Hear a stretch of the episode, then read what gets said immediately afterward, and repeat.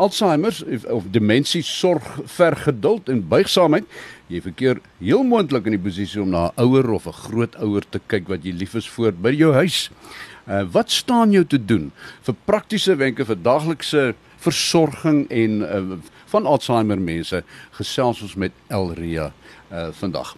Welkom El Elria.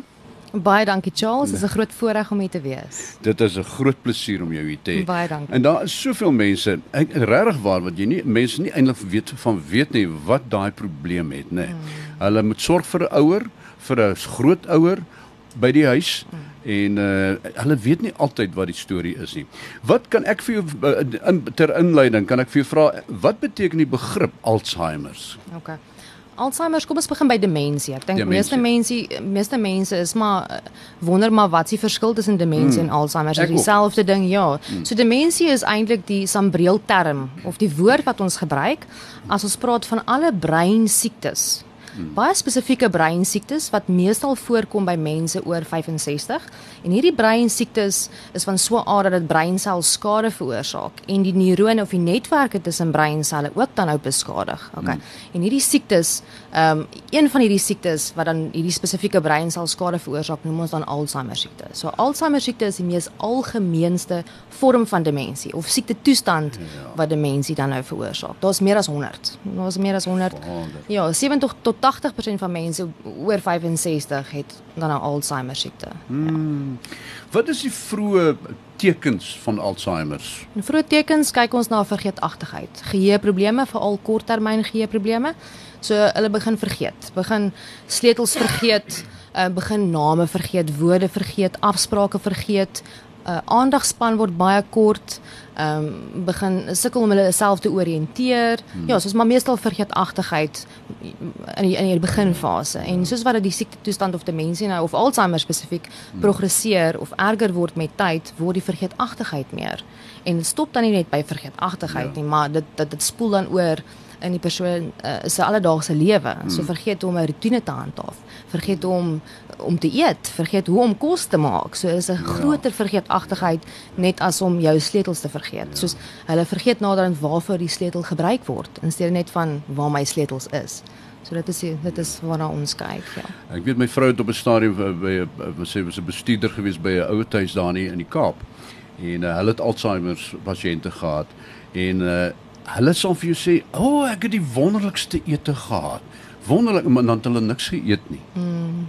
En dit dis nou wat jy van praat, ja, nee, hulle vergeet. Ja. Hulle vergeet, ja. ja. ja. Of hulle roep dalk 'n 'n 'n memory of 'n herinnering, hmm. maar daai herinnering is van 2 weke terug. Ja. Want dis wat wat gestoor was. So met Alzheimer siekte spesifiek is die skade, die breinselskade wat plaasvind is in die hippocampus en dit is die deel van jou brein wat verantwoordelik is vir die vorming die vorming van geheue, nie die stoor van geheue nie, die vorming van geheue.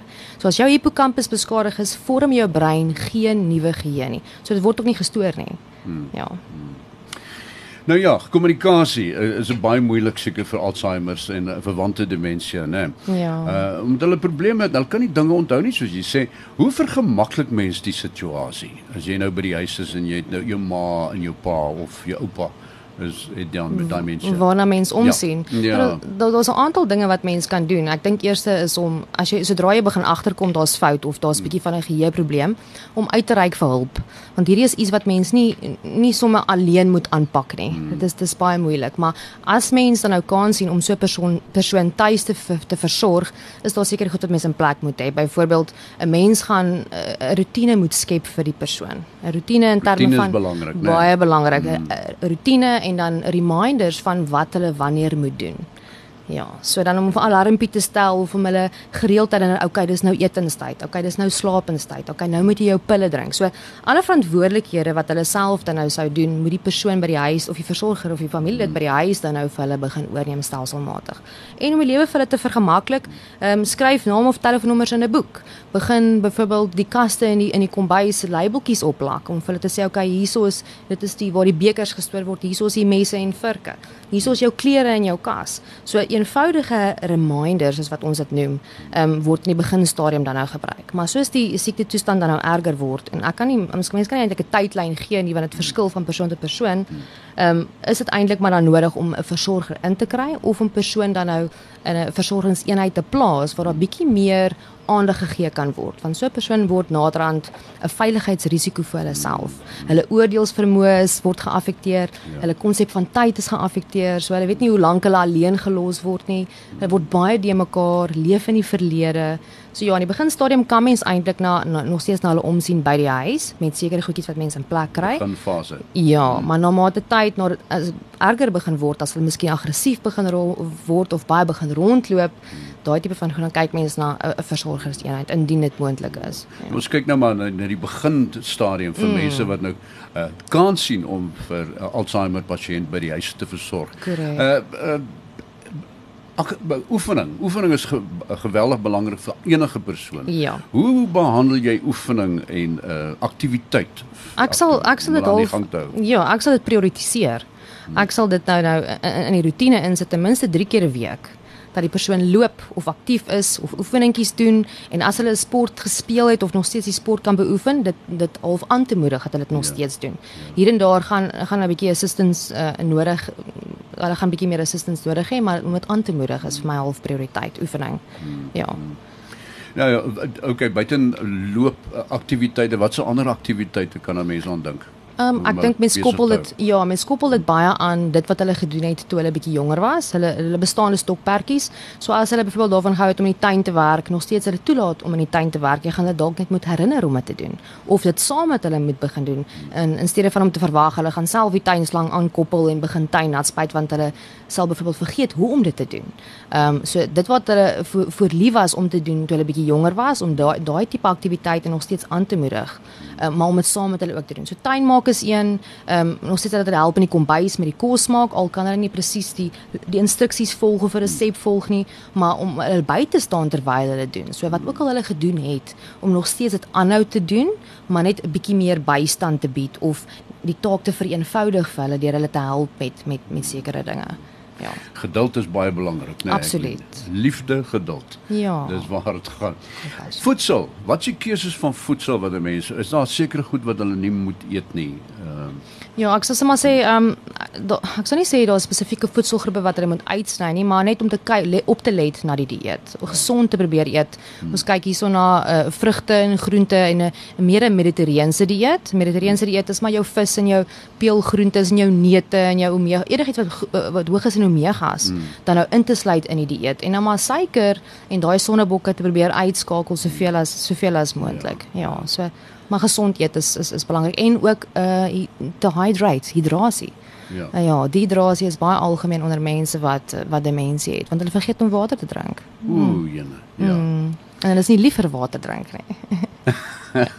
So ek neem aan alkohol is, is uit vir vir vir demensiële of demensie pasiënte. Ek sal nie sê heeltemal uit nie. Hmm. Ek dink dit is iets wat gemonitor moet word. Hmm. Ja, want wat dit partykeer wat dit kan doen is die effekte van alkohol kan hulle meer deurmekaar maak, hmm. meer gedesoriënteerd maak, onstabiel op hulle voete kan val. So ek dink dis maar iets wat gemonitor moet word. Ja, en dan na mate tyd heeltemal uitskakel as dit miskien met medikasie dan nou ja, bots. Bots, ja. ja. En ek het ook iewers raak gelees dat jy, jy moenie vir vir daai persoon moenie vir hom 'n uh, 'n keuse gee nie. Hy dit moet of jy moet hom 'n vraag vra wat hy of ja of nee kan antwoord. Is dit waar? Ja, die tipe die tipe dit hang af wat se stadium. Ja, uh, so in die ah. begin stadium moet mens nog steeds onafhanklikheid probeer hou vir so lank as moontlik, maar die tipe ja. keuses wat jy vir hulle gee, moet ten minste 'n opsie van 2 wees, hmm. maksimum. Dis maar eintlik oor dit besluitneming vir hulle baie moeilik word. Ja. Soos jy vir hulle sê, wil jy wil jy koffie of tee? Koffie of ja. tee? Nie koffie, tee, sap bietjie coke wat ja, ja so opsie van 2. Hmm. En die tipe vrae wat jy hulle vir hulle vra moet van so 'n aard wees dat hulle vir jou of 'n ja of 'n nee antwoord kan gee. Hmm. Nie 'n baie uitgebreide antwoord nie want dit word vir hulle moeilik. Ja. Hulle moet hulle korttermyn geheue konfronteer om dit te kan antwoord en dit word vir hulle baie moeilik. Ja. Ja. Ek ek het ook raak gelees by my navorsing dat as jy ehm um, as hulle vir jou sê daai persoon het my my beursie gesteel. Mm. Moet jy nie sê nee, dit kan nie wees dat daai persoon jou want daai persoon was nie aan diens of iets gewees nie. jy moet sê ek sal uh kyk daarna, ek gaan ek sal dit ondersoek instel. So jy moet eintlik saam met hom stem. Dis absoluut reg. Dis die korrekte respons. Ja. Ongelukkig deel van die demensie in 'n sekere stadium is hulle word baie paranoïes en hulle begin mense beskuldig en partykeer steek hulle eie goed weg en dan verdwyn dit en dan vir hulle in hulle in hulle breine is dit dan nou half logies dat hierdie onbekende persoon dit moes gevat het. Hmm. En dis vir hulle 'n absolute realiteit. Ja. En om hulle met hulle te stry en vir hulle te partykeer die teendeel te probeer bewys, maak hulle net meer opstandig.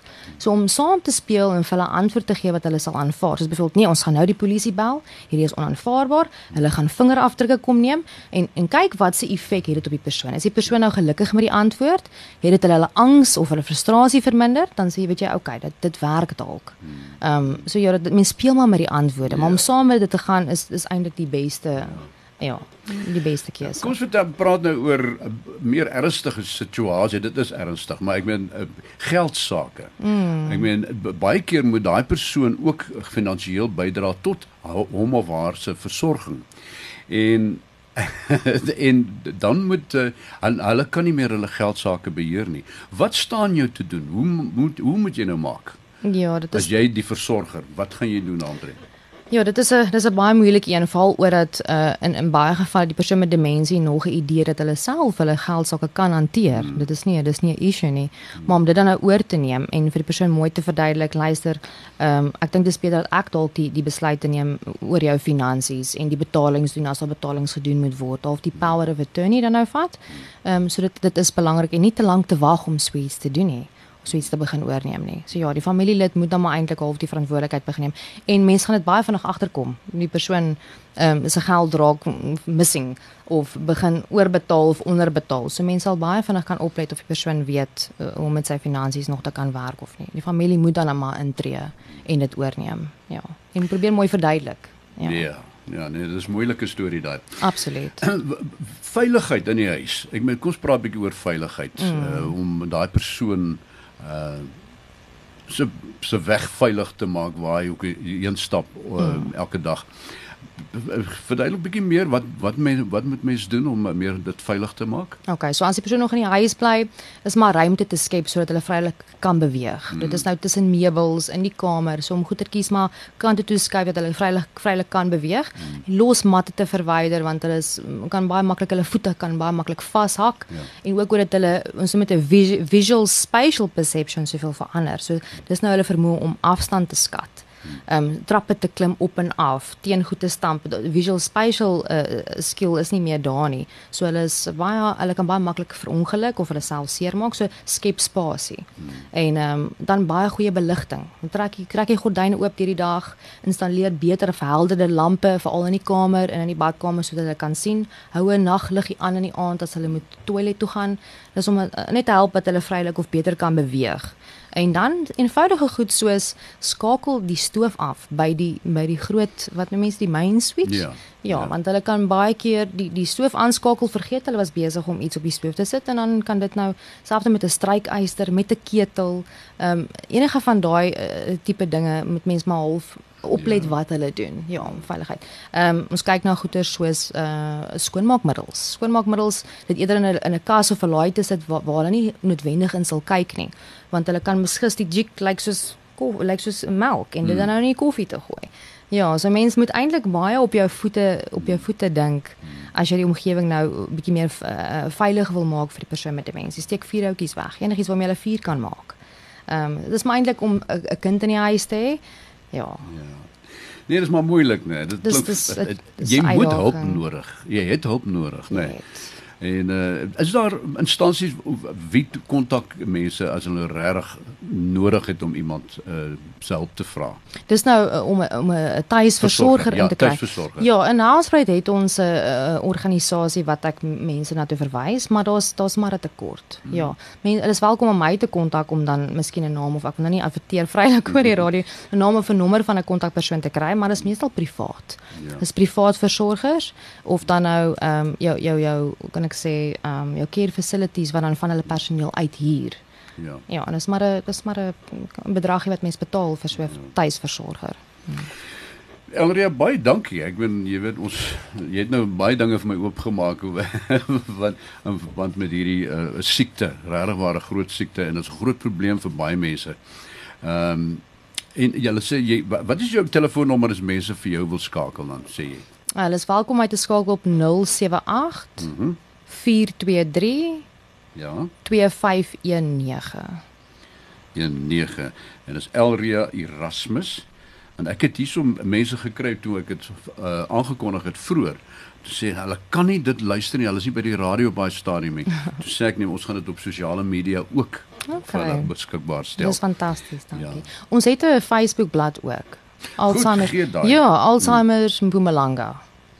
Alzheimer's uh ooh ja nou Mpumalanga Ja, en daarop is my is my e-posadres en hulle kan vir my 'n boodskap daarop stuur ook en ja, so dit is ook 'n platform om my in die hande te kry.